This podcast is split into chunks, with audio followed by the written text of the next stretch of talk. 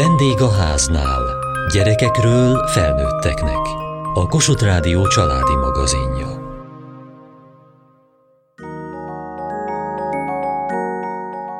Sosem volt kézügyességem.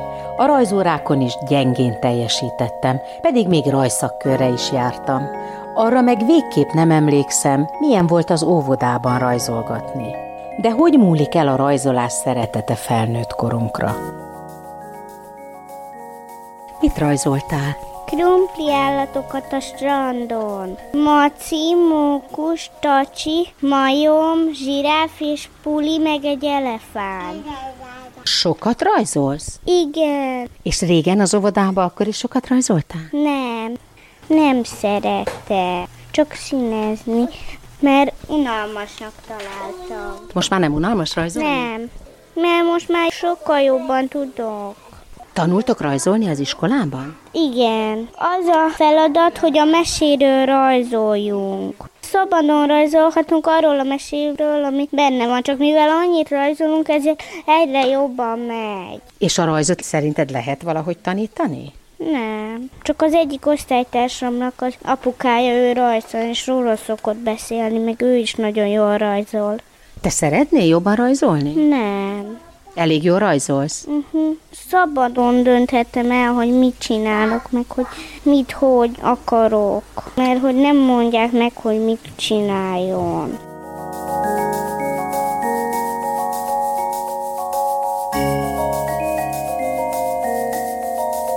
Azt tapasztalom, hogy ha egy felnőttet megkérnek, hogy rajzoljon egy fát, tízből kilenc azt mondja, hogy de én nem tudok rajzolni. Miért van az, hogy felnőtt korunkra elfelejtünk rajzolni? Goda Zsuzsa rajztanár. Hát az emberek nagy része nem tud rajzolni, ugyanúgy, ahogy nem tud regényt írni, vagy nem tud szobrot készíteni. Rajzolás is egy istenadott tehetség. Na de ha egy óvodásnak azt mondom, hogy rajzolj egy fát, lerajzol egy fát, és nem mondja azt, hogy nem tudok rajzolni. Lerajzolja a gimnazista is, csak eléggé kell motiválni. Mindig ezzel szoktam kezdeni a tanévet, hogy rajzoltatok velük egy fát. Persze akkor megy nagy a szörgés, hogy hát mi nem tudunk, de azért a végére megcsináljuk, és abban egyébként nagyon sok minden látszik. Tehát elvileg meg tudja mindenki csinálni, inkább arról van szó, hogy annyira le van korlátozva az ő szabadsága, meg az önbizalma, hogy inkább nem mer. Tehát az azt jelenti, hogy óvodáskorban még van önbizalmunk, és aztán mire középiskolások leszünk, addigra elvész az önbizalmunk valahol az úton? Igen, ez körülbelül ugye 12 és 14 éves kor környékén történik meg, akkor ugye a tinédzsereknek az értékrendjébe igen jelentős szerepet kezdenek el játszani a külső tényezők, a társadalom, tanárai, a barátok, a külvilág, és akkor azt tapasztalja, hogy bírálják, amit ő csinál, nem tetszik nekik, és akkor abba hagyja. És akkor ez nem is fejlődik tovább, meg nem is próbálkozik. Az alsó tagozatosoknál nincs még ilyen, ők még merik. Meg aztán ugye 14 éves korban már megváltozik az abstrakciós képesség, megváltozik a térábrázolási képesség, sok-sok agyi változás történik, ami miatt a gyerek saját maga is látja, hogy különbség van az ő rajza, meg a másik ember rajza között, és akkor ebbe úgy belenyugszik, hogy akkor ezt ő nem tudja. Ugye ez a rajzi törés fogalma. Tehát ez egy természetes folyamat, hogy ez a képesség ez megváltozik. Tehet érte az iskola, hogy ne így legyen. 13-14 éves korba kell elkapni a gyereket, és hogyha találkozik egy olyan nevelővel, egy olyan tanárral, aki segít neki túllépni ezeken a problémákon, akkor megtanulhat olyan szinten rajzolni, hogy avval már ő is egy kicsit elégedettebb lesz. De alapvetően ezt egy természetes folyamatnak gondolom. Mi a dolga a rajztanárnak? Mit kell neki tanítani? Ez egy készségfejlesztés. Alapvetően arról szól, hogy a kezünk ügyesedjen, a látványnak a megértése, az ízlés alakuljon, és hát egyfajta alkotási képesség is létrejöjjön. A zenéből ismerjük azt a fogalmat, hogy botfülű. Milyen feladatot ad a botkezű gyereknek? Az lesz a szertáros nálam. Az azt jelenti, hogy sose rajzol? Igen, nálam azért ez beválik. A szertárosnak is sok dolga van azért, de igen, láttam, meg látok olyan gyerekeket, már kezén látszik, hogy annyira nincs meg a motorikus finomság a kezében, hogy szinte képtelen megfogni a ceruzát. Ez persze elég ritka. Azért a nagy többség képes használni ezeket az eszközöket, de például már problémát okoz a vonalzó használata, a körző használata, a színezés, ami nagyon-nagyon megdöbbentő, hogy középiskolában a színezésnél elakadtak a óvodába valahol. Az ecsetről már nem is beszélt. A középiskolás gyerekeknek a legnagyobb félelme a festés. Én szabad feladatokat szoktam nekik adni. Tehát olyasmit, ami nem arról szól egyértelműen, hogy lerajzoljuk a külvilágot, mint a reneszánsz eszményben. Mert ugye az már a tehetségeknek a dolga, hanem hogy, hogy az érzéseit tudja valahogy papírra vetni, meg egyáltalán legyőzze azt a görcsöt, ami akkor lép fel, amikor van előtte egy üres papír. És akkor egyszerű formák, ismételni őket, tükrözni őket, játszani velük, vonalzóval formákat kialakítani, ecsettel, siklani a papíron, tehát olyasmit, ami egy felszabadító érzés. A legnagyobb problémát abban látom, hogy amikor a gyerek rajzolni akar, és ez most legyen 5 éves, vagy 12, vagy 18, akkor nincs ötlete, hogy mit csináljon. Szülőként meg lehet nagyon gyorsan tapasztalni, gyereknek veszünk egy jó kis filztolkészletet, vagy valamit, és akkor anya, jó, de most akkor mit rajzoljak? Hát rajzolj egy krokodilt, rajzolj egy pingvint, és harmadikat már nem tudok mondani. Ez, ez felnőttnél is így lenne. Na most ezért van nekem egy ötletkönyvem. Abba összegyűjtöttem olyan feladatokat, amik arra valók, hogy ne maradjon ebben a kérdéskörben egyedül egy ilyen kis alkotó elmesélni, elmondani, hogy hogy kell nekiállni, hogy kell megvalósítani, mik a szempontok, amiket kellene csinálni, vagy hogyan, miközben szabadságot kapjon az alkotó, de közben pedig vezetni egy úton, hogy hogy lehetne ebből valamilyen képet alkotni, amire büszke lehet, és ez alapján megtanuljon egy csomó mindent a vizuális kultúrából, a rajzi készségből, az alkotási képességből, és természetesen szeretném illusztrálni már elkészült fiataloknak a művével. Egyelőre van száz darab ötlet, ami ki van dolgozva, dolgozva. Nyilvánvalóan szeretnék majd egy kiadót, aki lát ebben fantáziát.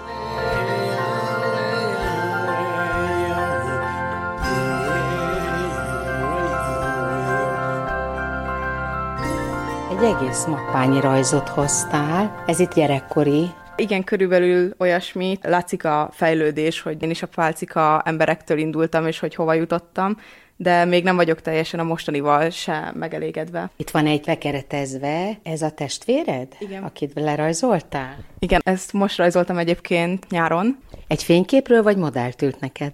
Fényképről, de én fotózni is szeretek. Én készítettem róla a képet. Aztán lerajzoltam. Igen, utána a képről. Látom itt a gyerekkori rajzodon is, akkor a te kezedben van egy fényképezőgép. Apukáméban inkább, én a sátorban vagyok. Igen, és akkor itt vagyunk a családdal. Anya meg te, meg a hugod? Igen, igen. A természetet is szerettem mindig nagyon fotózni is. És akkor ez itt egy Mikulás Ó, diszkóba te a házba meghívó. Mindig volt ilyen Mikulás diszkó az általános iskolába, és oda lehetett csinálni ötösér órán, ez is volt egy feladat. És ez itt meg egy ruhater? Olyan, mintha sok pici csizmából állna itt az alja. Igen, szerettek a színekkel játszani, főleg mostanság. Ezt most csináltad? Nem, ez is régi de egyre inkább kezdem a grafitnak is a varázsát megtalálni. És ez iskolai feladat volt, vagy magattól találtad ki? Nem, ezt magamtól találtam ki, de itt sokféle próbarajz is van, például aminek a jobbjai kikerültek a falra otthon képkeretben. Itt is egy portré. Igen. Ez például két éve, 2020-as, mind a kettő, és hogy mennyivel más még, mint a mostani. Tehát sokat fejlődtél, úgy érzed? Igen, úgy érzem, hogy sokat fejlődtem, de még van hova. Mindig is rajzoltál?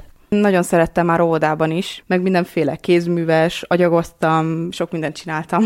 És ez meg is maradt? Ahogy az ember felnő, kevesebb ideje marad ezekre a hobbikra, és sajnálom is, hogyha visszatekintek, mert ahhoz képest, hogy két évet otthon voltunk onlineban, alig készültek rajzaim, pedig pont otthon érhettem volna rá. Pedig ez nem így van, mert otthon is annyi feladatot kaptunk, hogy jobban ki voltunk fáradva, mint az iskolában. De az, hogy csak a számítógép előtt ültünk, az még inspirációt se adott senkinek, és lefárasztotta az ember agyát. Ami viszont erősödik, meg szeretném is, hogy megmaradjon, az nekem a fotózás ezt próbálom tudatosan is csinálni, hogy ne tűnjön el.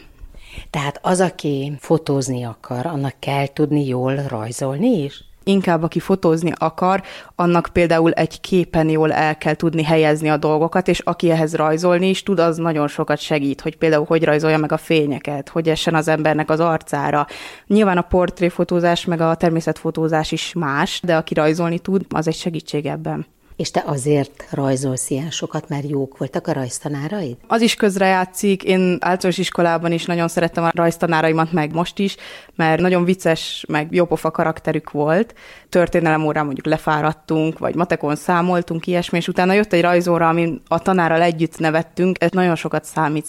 Úgyhogy a kedvem végül is nem ment el, csak egy kicsit átalakult, hogy mit szeretek rajzolni. Tehát, hogyha zenét hallgatok, olyat rajzolok, ami nyilván tetszik, vagy szeretnék, mert teljesen más hangulatban rajzolok mondjuk portrét, mint mondjuk, hogyha fekete-fehéren mintázok valamit. Nagyon sok pályázatra is adtam be rajzot. De általában ezeket a pályázati rajzokat sajnos nem kapjuk vissza. De gondolom az osztálytársaid közül nem mindenki rajzol annyit, mint te. Nyilván nem, de meglepően jó látni, amikor van egy-két elszórt tehetség, akiről mondjuk nem is tudtuk, és így meg tudjuk egymást ismerni. Például volt egy feladat, amit a tanárnő adott gimnáziumban, hogy rajzoljuk le a saját lelkünket, használjunk színeket, körbe rajzoltunk egy kontúrt, és magunkon belül kellett színeket használni. Eszméletlen érzés volt ránézni egy-két embernek, hogy milyen szín gondol magáról, hogy mit sugároz belülről. Mihetetlen mik születtek. Nem is tudjuk feltétlen, hogy a színeknek mi a jelentése, pedig én amúgy sokat olvastam utána, hogy melyik a nyugodt színek, meg melyik mit jelent. Én például nem is gondolkodtam, amikor festettem, csak a végeredményt néztem meg. Azért ez egy nagyon izgalmas feladat, és valójában nem is kell hozzá tudni rajzolni. Biztos nagy sikere van az ilyen tanároknak. Igen, nálunk is nagy sikere van. Az a jó a tanárnőben, hogy nem csak ilyen érdekesen tartja a rajzolákat, meg érdekes feladatokat ad, hanem ha mondjuk följön egy téma, mert volt olyan, hogy bejött két gyerek a terembe, és beszélgettek valamiről, és megtetszett a téma a tanárnőnek, és miközben kiadta a feladatot, hogy mit rajzoljunk, végig beszélgettünk. Van téma rajzórán, és mindenki kifejti a véleményét, és ezek össze tudják hozni például az osztályközösséget. Összeolvad a társaság egy-egy ilyen órán. És nem feltétlen csak rajzórán, csak a rajzóra is erre egy jó jó példa. Ehhez nagyon kell egy jó tanár. Matekkal ezt nyilván egy kicsit nehezebb megcsinálni, de nyelvórán is van olyan tanár, aki meg tudja csinálni. Mit gondolsz, hogyha felnőtt leszel, akkor is fogsz még rajzolni, vagy ez az iskolás éveidhez tartozik? azután is fogok, csak portrét azt még szeretnék gyakorolni, hogy azt, azt nagyon jól tudjak rajzolni, úgyhogy biztos vagyok benne, hogy a pálcika emberekig vissza fogok menni, amikor gyerekem lesz, mert hát nyilván azt újraérjük azt az időszakot.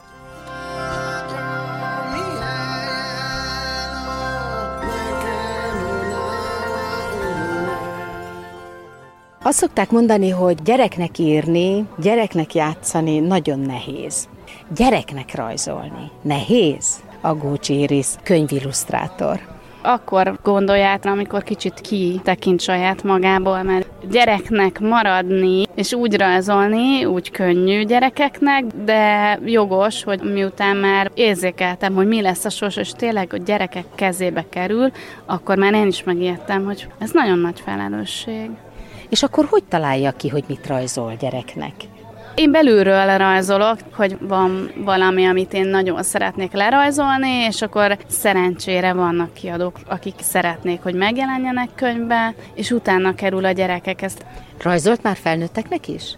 Rajzoltam felnőtteknek, de valahogy hozzám közelebb áll, azt hiszem, hogy benne maradtam egy gyermeki rácsodálkozó létezésben, amit élvezek is másrészt meg sokkal többet lehet rajzolni, és én magát a rajzolás folyamatát szeretem.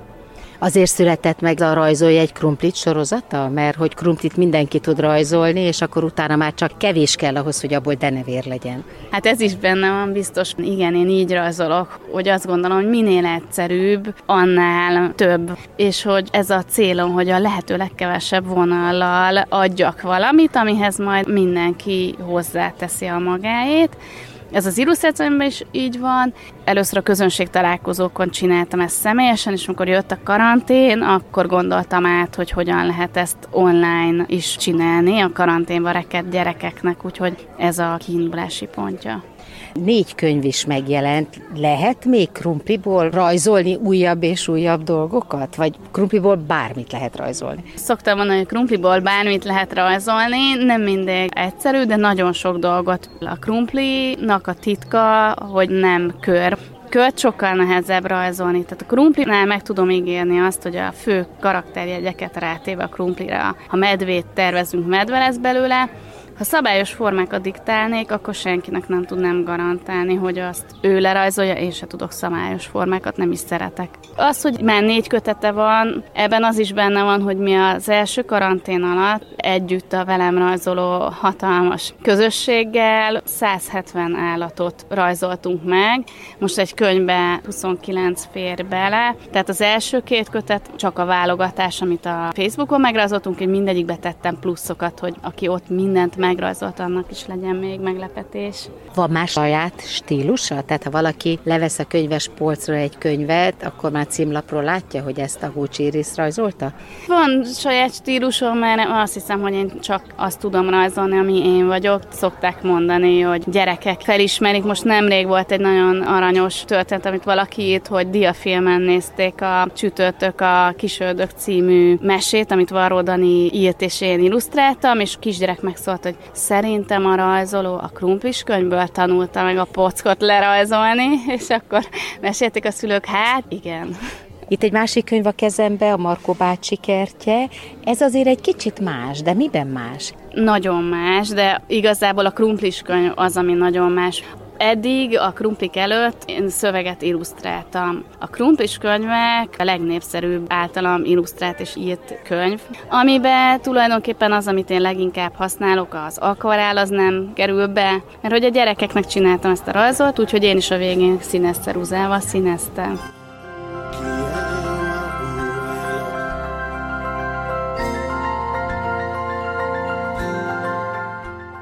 Azt veszem fel, amit én szeretnék, és már nem igazán érdekel, hogy mások mit gondolnak róla. Itt ülök egy szöges nyakörben, mit mondjak ehhez, szerintem kell önbizalom, meg egy nem érdekel hozzáállás. Mi az, amit ezzel kifejezel? talán, hogy tényleg nem érdekel mások gondolata, és szerintem mindenkinek így kéne kifejeznie magát, amiben tényleg jól érzi magát. Mindig így öltözköd? Általában mindig így nézek ki. Mit akarsz elmondani magadról ezzel az öltözködéssel?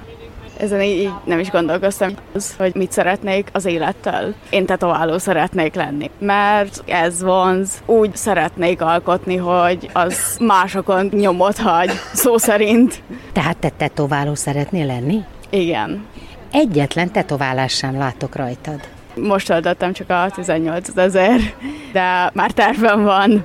Mi kell ahhoz, hogy valaki jó tetováló legyen?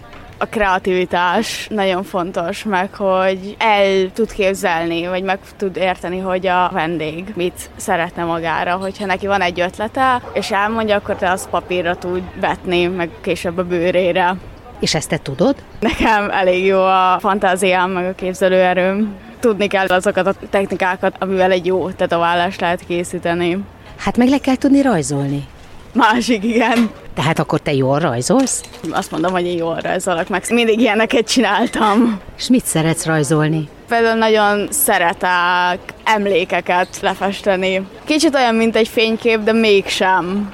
És ha én azt mondom neked, hogy én most egy nagyon mérges kutyát szeretnék magamra tetoválni, akkor mi jut erről eszedbe? Milyen kutyát rajzolnál?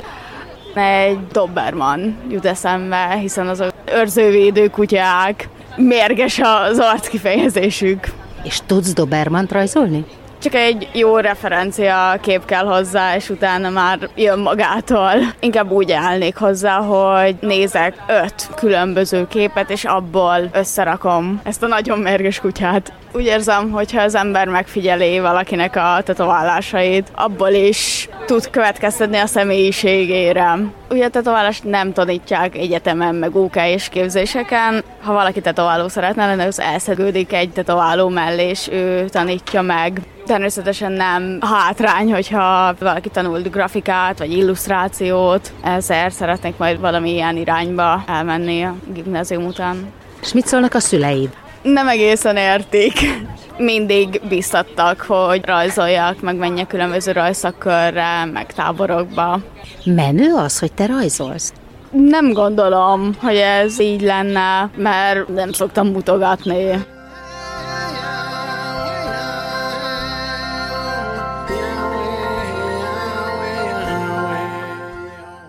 Dolga-e a rajztanárnak közelhozni a művészeteket? Hogyha Madridba járok, akkor mindenképp megnézem a Prádót, hogyha Firenzébe járok, akkor mindenképp megnézem az Uficit, mert az nekem vizuális élményt nyújt. Goda Zsuzsa rajztanár.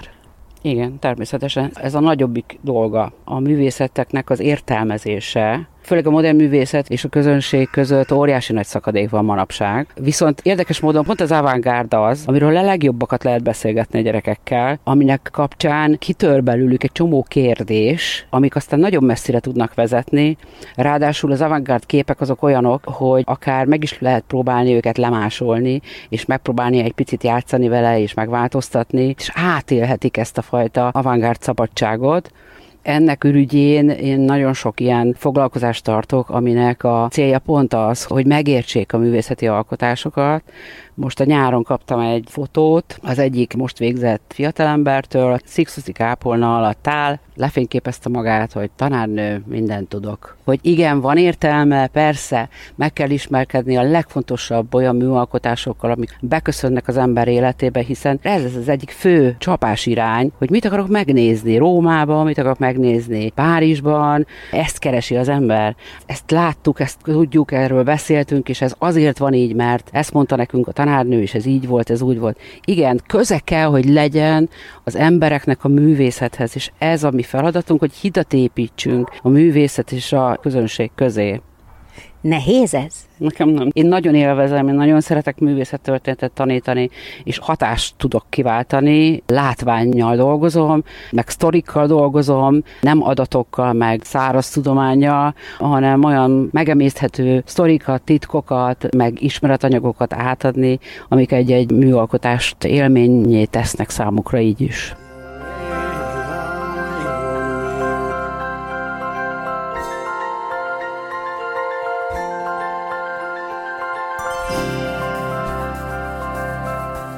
Ma a rajzolás szeretetéről beszélgettünk. Kövessék műsorunkat podcaston, vagy keressék adásainkat a mediaclick.hu internetes oldalon. Várjuk leveleiket a vendégháznál kukac mtva.hu e-mail címen. Műsorunk témáiról a Kossuth Rádió Facebook oldalán is olvashatnak. Elhangzott a vendégháznál. A szerkesztő riporter Mohácsi Edit. A gyártásvezető Mali Andrea, a felelős szerkesztő Hegyesi Gabriella.